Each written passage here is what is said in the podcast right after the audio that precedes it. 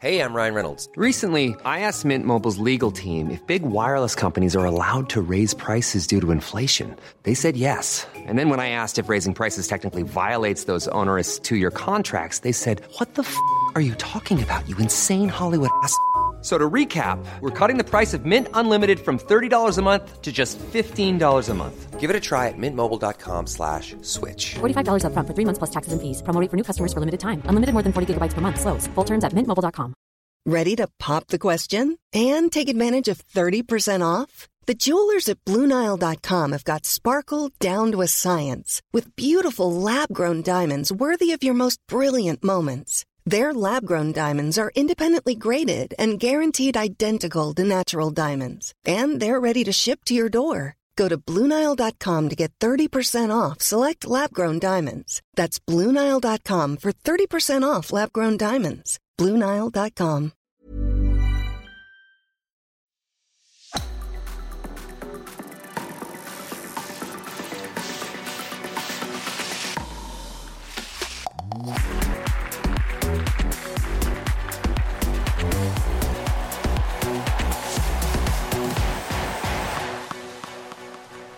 Fjorårets eh, Roland Garros ble en historisk tennisturnering sett med norske øyne, da Kasper Ruud ble den første nordmann noensinne i en Grand Slam-finale, og nå er spørsmålet om, kan, om han kan klare noe lignende igjen. Eller kanskje enda bedre for tennislegenden som slo Kasper i fjor, kongen av grus, keiseren av Paris. Rafael Nadal han har meldt avbud til årets French Open. Hjertelig velkommen til en spesial pod, spesialepisode av Indre bane, i sin helhet viet årets Roland Garros, eh, som selvfølgelig kommer til å dominere internasjonal tennis de neste ukene, og også dominere Eurosports-kanaler og plattformer og flater og Discovery Pluss i uh, samme periode. Det var jo et uh, positivt tennissjokk i fjor, Dorthea, da vi plutselig altså hadde en nordmann i en uh, singelfinale i en Grand Slam. Det var enorme greier. Ja, og jeg tror vi har tørt å tenke tanken litt når det kom til, til Kasper, at det kan skje en gang. Det skjedde litt før vi hadde regnet med, og det skjedde på French Open mot Rafael Nadal, som var jo helt sykt. Så skikkelig, skikkelig luksus. Eh, det kom jo eh, før vi egentlig hadde forventa det. Så er det bare kunsten å, å følge opp, da. Men eh, veldig, veldig luksus å være nordmann i månedsskiftet mai-juni i fjor, altså. Hvis du liker tennis. Ja, herlighet. Med hvilke forventninger og tanker går, går du inn i en ny, en ny turnering her? Jo, det er Det blir vanskelig å følge opp. Eh, nå er jo ikke Nadal med. Eh, det er jo veldig annerledes. Eh, han kom vel inn bare med lave skuldre i fjor. Nå kom han vel inn med liten chip on the shoulder. Eh, Allikevel mer selvtillit. Har jo vunnet sykt mye matcher i Paris.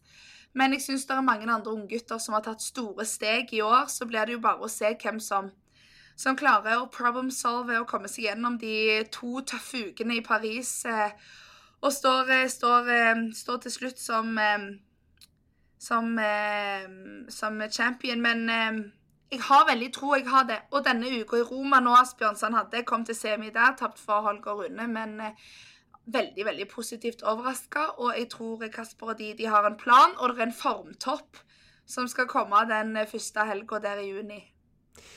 Du, det, er, det er jo mange store turneringer uh, ut, i tillegg til Grand Slammene også, selvfølgelig. Noen vil jo si at French Open er et slags VM for grustennis. Eh, hva vil du si kjennetegner akkurat Roland Garros eller French Open da som turnering, eller hvis man tenker på banene eller forholdene, eller noe, er det noe spesielt der? Altså, det er jo nesten downtown Paris. Det er jo et fantastisk område. Eh, Det er jo vanvittig med fans. Franskmenn digger det. Eh, Det er jo en veldig sånn vanvittig sånn stemning rundt, og det er det nærmeste du kommer til royalty etter Wimbledon, da. Eh, Wimbledon er jo liksom kjent for alt og har eh, nesten trademark på både jordbæra som blir solgt, og champagnen som de selger. Men eh, French Open er, er helt spesielt. Og det som er, altså Grusen som det blir spilt på da, et VM i grus, det er jo altså den eneste Grand Slam-turneringen som blir spilt på grus. Og grus er jo det underlaget i tennis der det går seinest. Fra ballen spretter til du slår den på racketen, så går det seint. Fordi denne grusen er med på å liksom stoppe, opp, eh, stoppe opp ballen. Det har jo vært veldig bra for, for mann Kasper, da, eh, som spiller med ekstremt mye spinn på ballen. Men det er jo derfor det blir veldig spesielt òg, og det har vært mye samme vinnere år etter år. Men det er jo ekstremt tradisjonsrik eh, turnering, og det er jo Wimbledon og French Open som er da i Europa, de eneste Grand Slamene vi har i Europa. Og så har vi da en i Australia, Australian Open, og en i New York, US Open. Så det er jo skikkelig svært og Nei, det er fantastiske turneringer. Ja, fjorårets turnering var på alle måter et uh, norsk tenniseventyr. Ikke bare med Kasper Ruud i finale, men også med Ulrikke Eikeri i finalen i mixed uh, double. Um, inn som det siste laget i siste liten. Jeg vet ikke om du hadde spilt uh, mixed double uh, før French Open i fjor, jeg, Ulrikke, men uh, for et eventyr og for en opplevelse det må ha vært. Ja, det, det, var helt utrolig. Det var jo um, det, Jeg hadde faktisk ikke spilt uh, mixed double før. Uh, bortsett fra NM. Jeg har spilt med broren min. men, uh, men, ikke i internasjonal sammenheng. Um, så første gang jeg meldte meg på også. Så var bare det å komme inn Jeg visste ikke om vi kom til å komme inn, og det at vi kom inn, og så endte opp med å gå til finalen, var jo Nei, det var helt utrolig. Det var, uh, var jo over all forventning. si, si, litt om den opplevelsen å få, få spille på Chatrier der og være på en måte en, en del av det, av det, av det største man kan oppleve, da. Nei, det var, det var jo utrolig spesielt det å få spille på Philippe Chatrier. Det er ikke så mange som får gjøre det, også en finale. Så det er jo selvfølgelig noe, noe jeg har drømt om å, å spille en Grand Slam-finale, da. Og, og, få oppleve det. Så det er jo Jeg føler meg bare utrolig glad og takknemlig som, som at vi klarte å ta oss helt til finalen, og at jeg fikk den muligheten. Mm.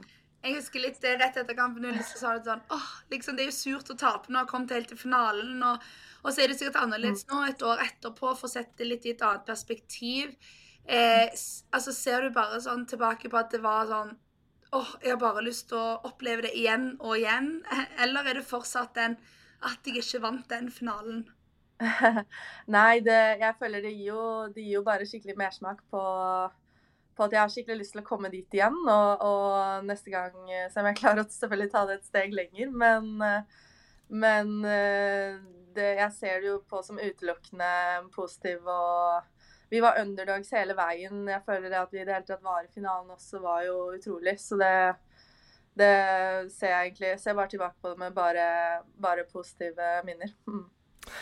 Eh, i, i talende stund eh, litt usikkert om, eh, om miksmulighetene denne gangen. Men fortell om, om planene for årets, årets Roland Garros, da.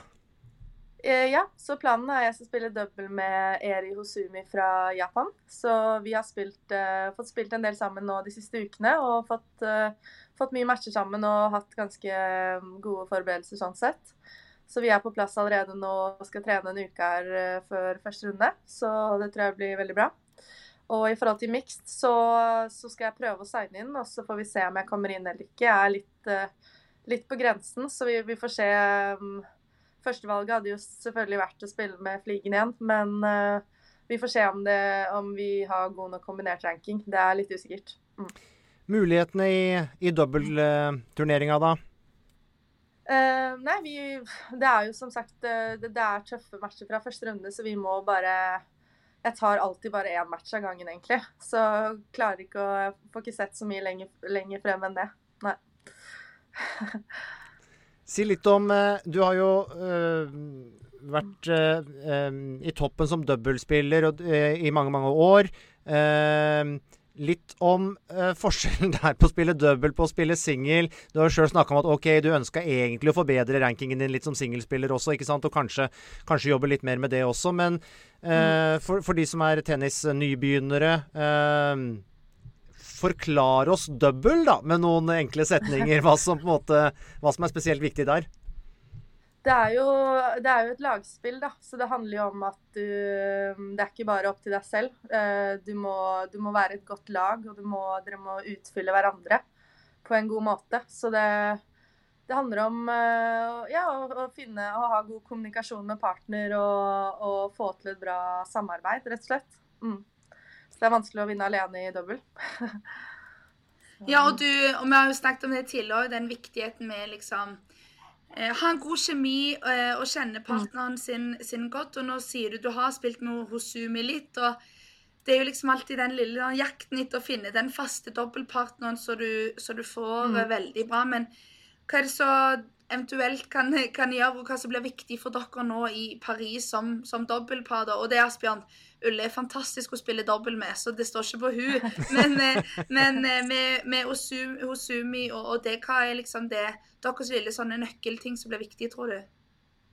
Nei, det, det, handler jo om oss å Vi møter jo så mye ulike spillestiler. Uh, så det handler om å klare å finne litt svar mot, uh, mot alle, egentlig. Så jeg tror også vi skal trene, prøve å trene med mye forskjellige spillere. Og, og sånn er det med spillestiler at noen uh, kanskje vi takler bedre enn andre. Men jeg tror bare jo mer erfaringer vi får sammen, og på i double også er det ofte ganske jevnt, og det, det, handler om å måte komme seg gjennom de litt uh, jevne matchene og, ja, og finne, finne, løsninger, rett og slett.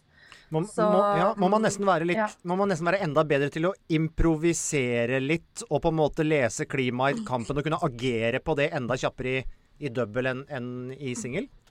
Ja, absolutt. Og vanligvis i double så spiller vi jo med no ad og super tiebreak. Men det blir jo litt annerledes nå i Grand Slam, så er det jo full match. Mm.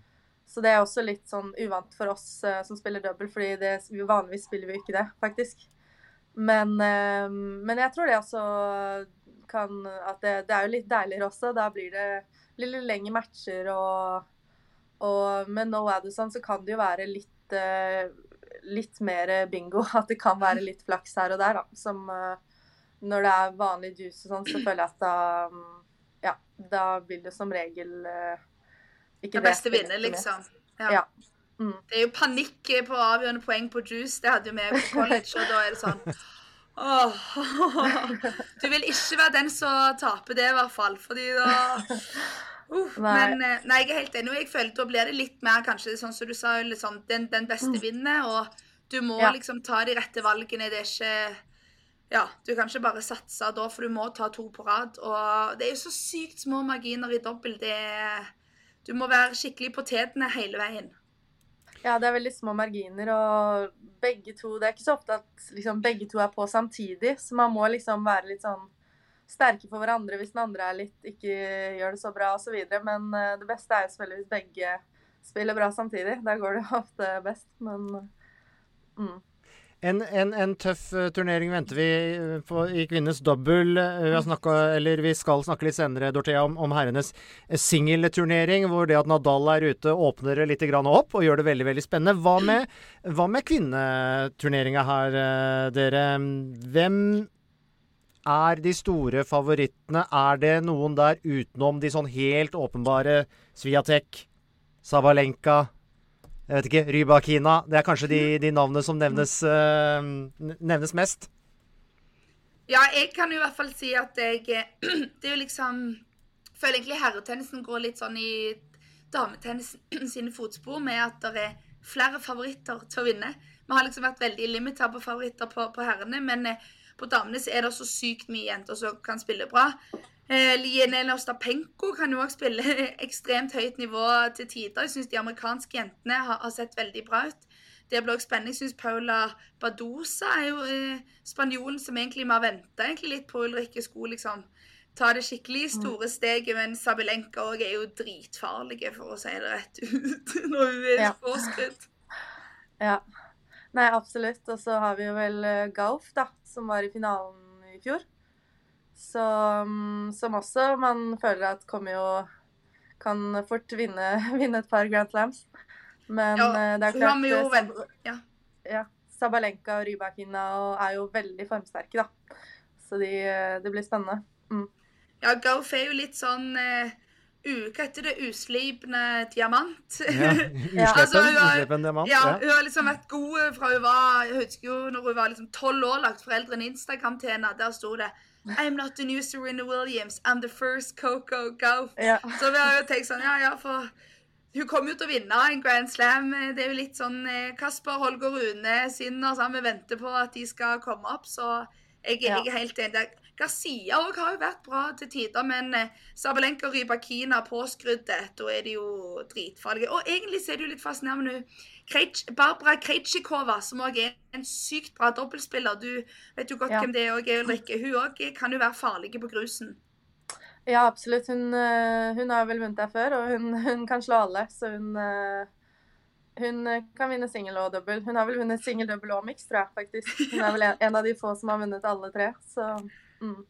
Det høres ut Dorthea, som vi bare må opp med mange skjermer eh, de neste to ukene for å få med oss eh, alt. Eh, Ulrikke, masse lykke til. Eh, tusen takk for at du var med oss eh, fra Paris, hvor du er på plass. Så skal vi følge nøye med på dine bedrifter på grusen i Paris. Det gleder vi oss til. Lykke til! tusen takk.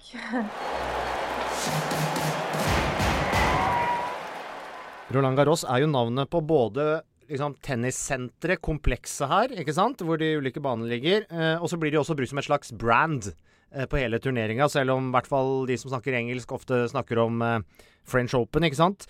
Ehm, men det er jo sånn at mange av de enkelte banene, og til og med tribunedelene her, er jo oppkalt etter gamle tennisstjerner.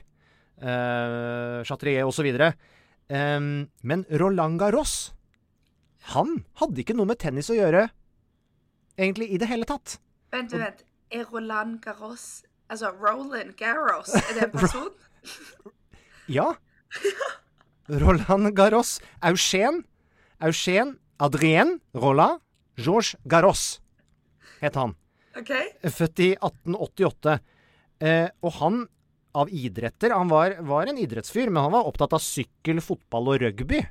Uh, først og fremst. Og, og ikke så mye tennis, egentlig. Men han var en entreprenør, han var en oppfinner, han var teknisk interessert. Han var da, og dette er da rundt 1900, ikke sant, veldig opptatt av biler. Og etter hvert av fly. Så han uh, lærte seg å fly, skaffa seg fly, deltok i show. Altså tidlig på 1900-tallet. Det var jo ganske spektakulært. Han ble en kjendis, og han ble den første mann, han ble den første mann som fløy over Middelhavet. Gjorde Roland Garros. Um, Jeg er helt i Eh, sjokk, jeg. ja, ja, ja. Og da, da snakker vi litt ordentlig spinn på Roland Garros. Eh, og da, da første verdenskrig eh, brøt ut, så oppfant han en måte å bruke maskingevær på flyet sitt. Han fikk montert maskingevær som da skøyt mellom propellen. Ikke sant? Så et sentralt montert, maskingevær som du kunne skyte og bruke uten å skyte i stykker din egen propell. Og det her var jo ganske banebrytende. Så han dro i krigen. Ble skutt ned over eh, Belgia, satt tre år i tysk fangenskap, før han klarte å rømme. Eh, kom tilbake til Frankrike ganske skral i formen, hadde begynt å miste synet, som jo er veldig dumt når du skal være jagerflypilot. Eh, og hadde da dårlig helse, mm, og mange politikere og offiserer og sånn høyt oppe mente at nei, men nå, du har på en måte gjort ditt. Du har eh, funnet opp et maskingevær vi kan sette på flyene våre, eh, og, og du har vært i krigen og, og så videre. Men han dro ut igjen med en gang, og høsten eh, 1918 så ble han skutt ned i en sånn kamp og døde. Og da var han jo ikke så gamle karen, da, født i eh, 1888, så han ja. Eh, døde ung, døde i første verdenskrig, men ti år senere, 1928, som en hyllest til denne franske krigshelten, så fikk denne arenaen i Paris navnet Roland Garros. Så han er ikke noen tennisspiller, men han er en eh, fransk eh, krigshelt, rett og slett, som har fått navnet sitt på det fantastiske anlegget i Paris. Så de valgte hans, altså han for, som krigshelt, og det var egentlig bare tilfeldig at det var da et tennisstadium eh, som fikk det navnet. Ja, eh, men ikke helt tilfeldig, fordi det var noen bekjente av ham som var veldig sentrale i utforminga og, og, av det nye anlegget. Mm, og som satt i ledende posisjoner i det franske, eller i tennisforbundet. Eh, det hjalp jo på. Og da mente de at Roland Garros, krigshelt, men også selvfølgelig en, en kjendis i sin tid, fordi han fløy som førstemann over Middelhavet, han fortjente å ha navnet sitt der. Og derfor så kaller vi det Roland Garros den dag i dag. One size fits all seemed like a good idea for clothes Nice dress. Uh, it's a it's a t-shirt. until you tried it on. Same goes for your healthcare. That's why United Healthcare offers a variety of flexible, budget friendly coverage for medical, vision, dental, and more. So, whether you're between jobs, coming off a parent's plan, or even missed open enrollment, you can find the plan that fits you best. Find out more about United Healthcare coverage at uh1.com. That's uh1.com. I'm Sandra, and I'm just the professional your small business was looking for. But you didn't hire me because you didn't use LinkedIn jobs. LinkedIn has professionals you can't find anywhere else, including those who aren't actively looking for a new job but might be open to the perfect role, like me.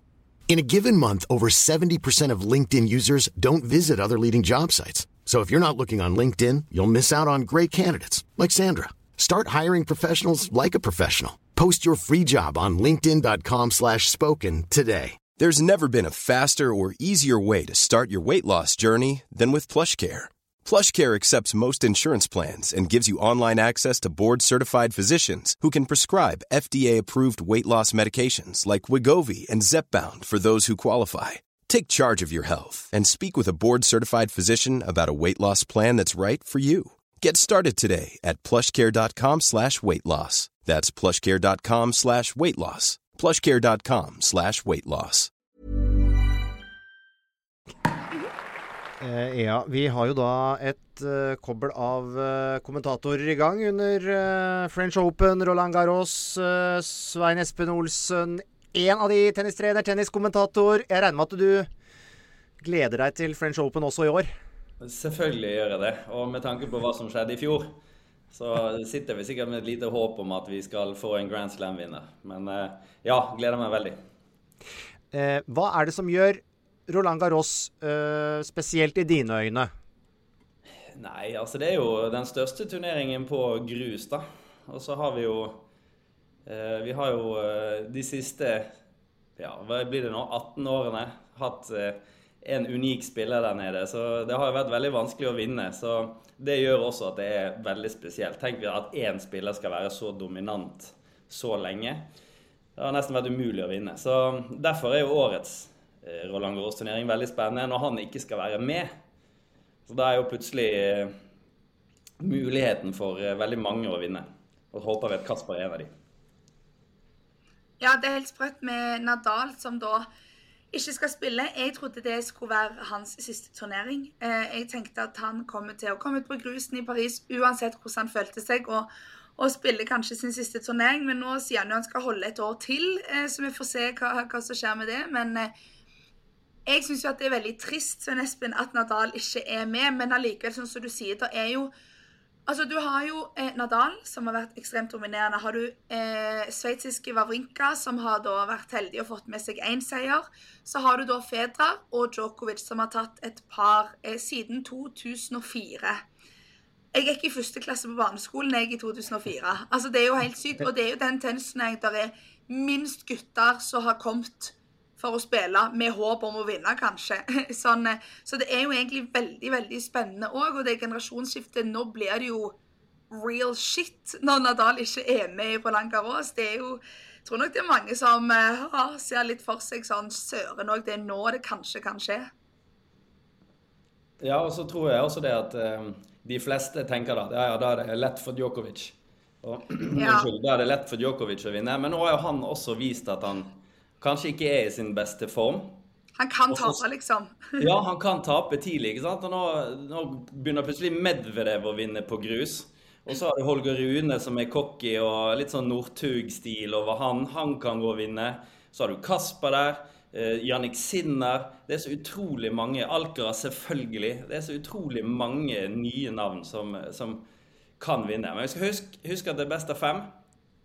Og Novak Djokovic han er en luring, så vi skal ikke se bort ifra at han står i den finalen til slutt likevel. Men det er veldig veldig åpent, og det, det gjør at det er veldig spesielt. Men som deg, Dorthea, så tror jeg det er veldig mange som kommer til å savne Nadal. Selv om han har vært så dominant som han har vært. Eh, Nadal selvfølgelig med sine hva er det, 14, 14 seire. Eh, men dere var litt inne på det. Hvor, altså hvorfor eh, Hvorfor har French Open vært turneringen hvor det er så vanskelig for en underdog, en overraskelse, eh, og slå, slå til, tror du, Svein Espen? Eh, det er liksom, den har vært virkelig dominert av selvfølgelig først og fremst Nadal, men noen få store, i hvert fall de, de seinere åra. Ja, det er jo en tøff turnering. Det er tunge forhold. Det spilles best av fem sett. Vi har jo sett kamper som har vart i over seks timer. Og da skal du ha en ganske rå fysikk for å henge med. Og du skal ha en ganske tøff skalle for å, å kunne dra gjennom de, de kampene der. Og når, når Nadal har kommet så det monsteret han har vært, så har det rett og slett bare vært umulig å slå han. Og Federer prøvde jo. Han spilte vel eh, var det tre finaler mot Nadal før han klarte å vinne sin tittel. ikke sant? Det var jo fordi Nadal røk ut. Så det har vært så mange som har prøvd å slå han, men han har vært, han var et beist fysisk tidlig. Og han har liksom hatt egen, en egen evne til å spille den perfekte grustennis. Og det, det, det, høres kanskje Kan kan man bare spille som, som, vanlig, men det er litt spesielt å spille på den Roland Garros-grusen, som, som, er litt hardere, litt annerledes enn andre grusbaner. Og spillet til Nadal har egentlig bare vært perfekt for de banene. Det har gjort at han har blitt rett og slett uslåelig. Ja, for det er jo Vi ser jo det spesielt på, på herresiden som spiller fem sett, at Grand Slam det krever ekstremt mye. Det er litt sånn som de store golfturneringene som vi har snakket om tidligere. Sånn, du, må være, du må være best på både torsdag, fredag, lørdag og søndag. Og du må være best på både hull 16, 17 og, og hele pakken. Og jeg mener jo da, med, sånn som du sa, så nesten med, med både forholdene og underlag, at det går ganske så seint. Og det er, du må liksom gjøre drittjobben. Og det krever ekstremt mye kamp etter kamp, dag etter dag. At eh, den stabiliteten som Nadal har vist Og det er jo sånn som Kasper har sagt litt før, når har, han har møtt Nadal. Du kommer ut på banen, og Nadal har allerede overtaket. Bare du stiller deg på en rød grusbane mot Rafael Nadal, så har jo 90% tenkt sånn Ja, ja, det, det går ikke an å vinne det her, liksom. Og så har han jo levd litt på det òg, så det blir eh, spennende nå. Med, med, jeg er jo bare sjokka med Alcaraz, som klarte å tape nå for kvalifiseringsspillet 135 i verden, som jeg trodde at Alcaraz skulle bli ny Nadal på grusen. Men eh, tror du Svein Espen, at eh, Carlos Alcaraz klarer å få spanjolene like happy som det har vært siden 2004 i, i Paris? Jeg tror han kan vinne, ja. Men eh, Eh, jeg tror det var en liten form for eh, jeg si, han, han, hadde ikke forberedt seg godt nok når han møtte denne Marochan i, i Roma. så Han undervurderte nok han litt. Grann. Det sa han vel også litt på pressekonferansen. her, at han, ikke, han, visste ikke så mye om han. Men i best av fem sett igjen, da. Det som du sier, når du skal møte Nadal i best av fem sett, så ligger du nesten under 0-1 bare du går ut på banen, ikke sant. Men Alcaraz er fysisk sterk. Han har litt av spillestilen til Nadal, litt av spillestilen til Djokovic, litt av spillestilen til Fedra. Og han er jo en av de nye store. Vi snakker jo kanskje om de, de nye tre store, som er Alcaraz, Sinner og Rune. ikke sant? Kanskje får vi en sånn trekløp her igjen. Og Vi må jo si Ruud. Jo, jo, jo, selvfølgelig. På, ja. I hvert fall på grusen. Selvfølgelig. Jeg skal ikke glemme Kasper. Men, men jeg tror at Alcaraz kan vinne i år. Men uh, han fikk seg noen sånn liten uh, på trynet der i Roma. Kanskje det var bra for han at han får Oi, jeg ser faktisk at de som er renket 100 i verden, er veldig gode tennisspillere. Og det ser vi jo nå gang på gang. Kasper har fått stryk av noen litt lavere rangerte spillere. Og det viser bare bredden igjen. Roma-turneringen, Madrid-turneringen har blitt mye større. Dobbelt så, så, stor, nesten. ikke sant? 96 spillere. Og da får plutselig de litt lenger nede på rankingen slippe til. Og så ser du wow, de kan faktisk spille på et veldig høyt nivå. Og så vinner sikkert Alcaraz eh, 19 av 20 matcher mot Madochan, men når han var uforberedt, så kan han også tape. Og Det er det som gjør at årets Roland Gråstrøm blir litt spennende. For hva hvis det kommer en overraskelse tidlig? Slår ut en av de, de store navnene, så er det plutselig up for grabs for, eh, for veldig, veldig mange. Så jeg gleder meg skikkelig. Eh, men ja, men så Espen, vi må, vi må, jo snakke litt, vi har jo ikke egentlig gjort det, da, om, om Kasper Ruud. Eh, ja. Som eh, tross alt fikk en opptur nå, eh, med, en, eh, med, semifinale etter at ah, det har vært tidlig exiter i, i, flere turneringer. Og så glemmer vi selvfølgelig ikke finalen i fjor. Eh, hva har vi lov til å forvente? Var det, er, var det, grunn til å bli såpass optimistisk og positiv nå etter det han, eh, etter det han viste i, i Roma, da? At at vi kan håpe på det helt store også i, i French Open i år? Jeg ser ikke noen grunn til å ikke gjøre det. altså mange snakker om at Kasper har hatt en dårlig sesong, men hvis du, hvis du ser sesongen under ett, så vant han en tittel i fjor i Buenos Aires. Han gikk inn og presterte egentlig ganske dårlig i Barcelona og Madrid. Gikk til semi i Roma. Og det er litt akkurat det samme som har skjedd. Hvis du bytter ut Buenos Aires med Estoril, så har han liksom prestert mye likt. da. Det er jo Miami-turneringen som er unntaket, ikke sant? hvor han kanskje overpresterte litt i fjor. Men jeg syns ikke vi skal, eh, vi skal, tenke på dette som en negativ eller dårlig sesong for, for Kasper. Nå går han inn. Jeg tror den semifinalen i Roma gjorde veldig godt for, eh, for Kasper. Selvfølgelig så burde han kanskje ha vunnet den kampen hvis han hadde vært litt på på et veldig viktig stadie i matchen. Men det å gå til semi der, det ga han en litt sånn trygghet, tror jeg, inn mot, eh, inn mot Roland Garros. Og jeg tror han er supermotivert for å, for å gå langt. Men så er det jo spennende med trekningene. Se hvor han kommer. Ikke sant? Det å, å repetere en finale, det er ikke lett. Men med Nadal ute Igjen, helt åpent. Hvis, eh, hvis Kasper er litt heldig med trekningen der, så tror jeg faktisk han kan gå og vinne.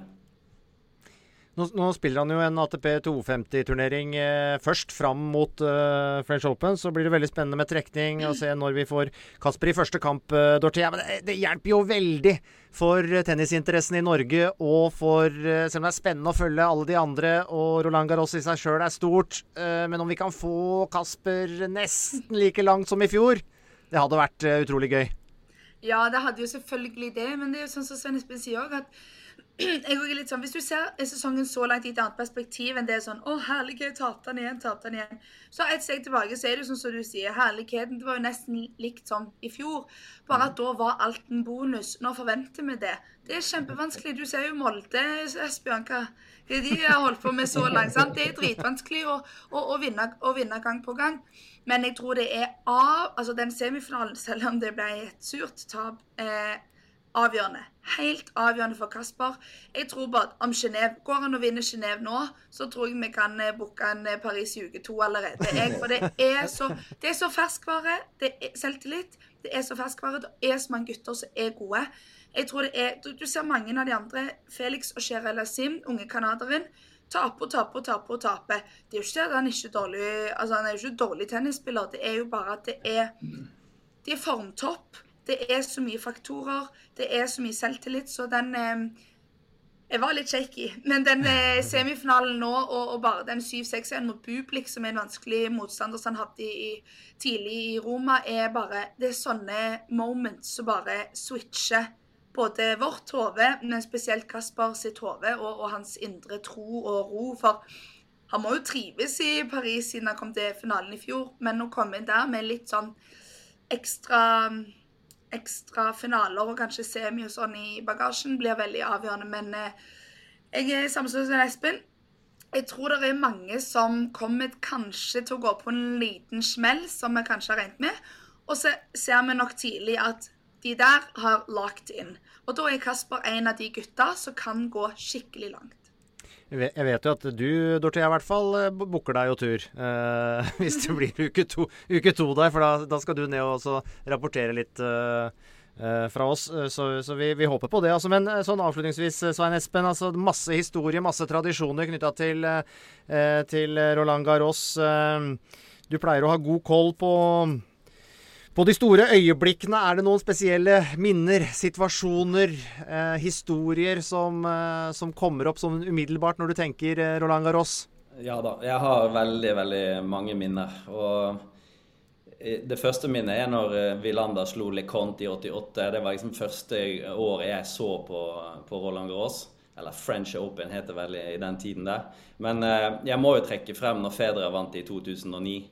Jeg har alltid vært en Fedra-fan og elsket hans tennis. Han hadde tapt tre finaler mot Nadal.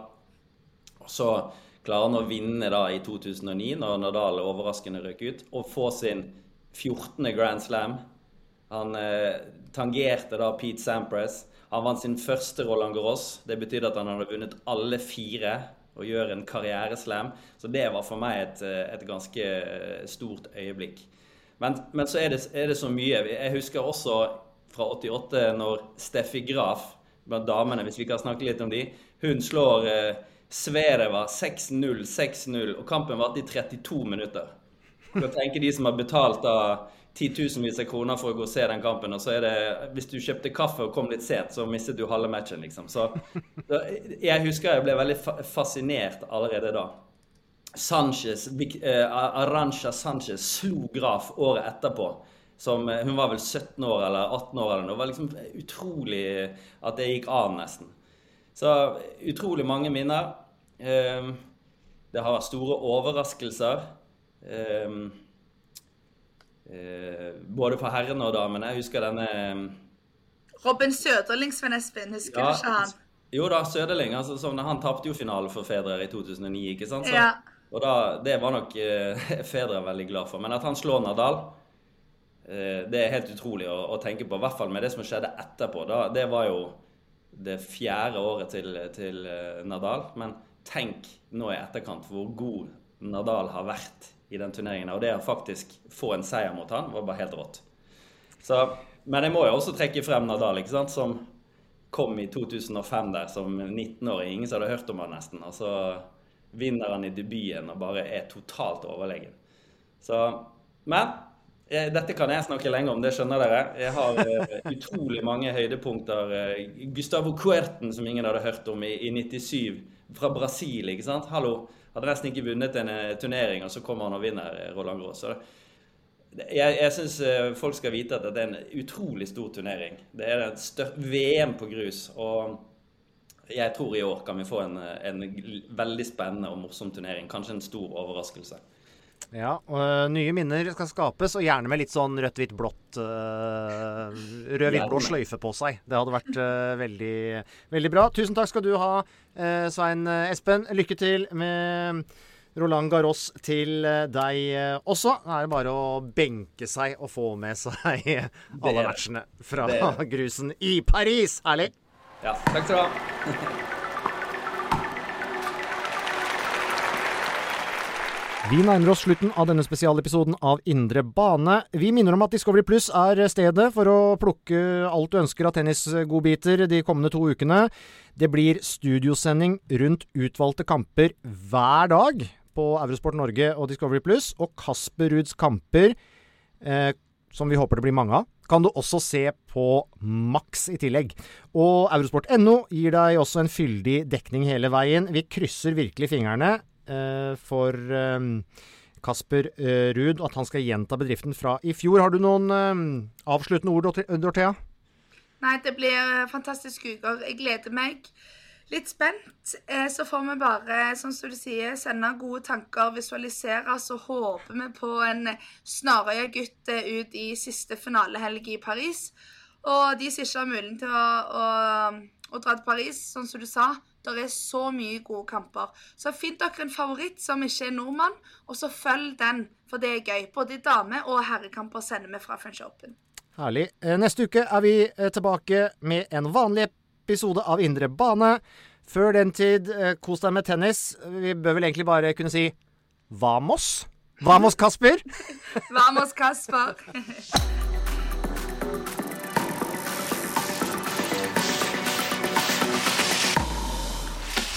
Mm-hmm.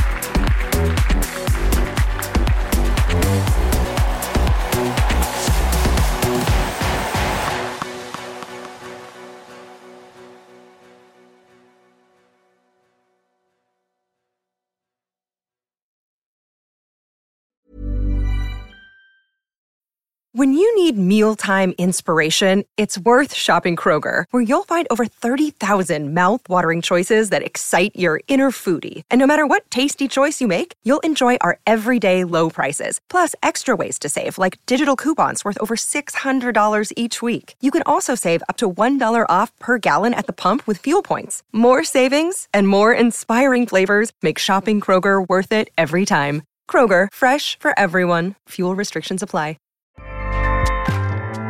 ACAST powers the world's best podcasts. Here's a show that we recommend. Hi, I'm Jesse Cruikshank. Jesse Cruikshank. I host the number one comedy podcast called Phone a Friend. Girl, let's phone a friend. Not only do I break down the biggest stories in pop culture with guests like Dan Levy and members of InSync, I do it with my own personal boy band singing jingles throughout. Because it's my show. It's your show, girl. New episodes of Phone a Friend Yeah. drop Thursdays wherever you get your podcasts. So work it, girl. Yeah, work it. Okay, that's enough. ACAST helps creators launch, grow, and monetize their podcasts everywhere. ACAST.com.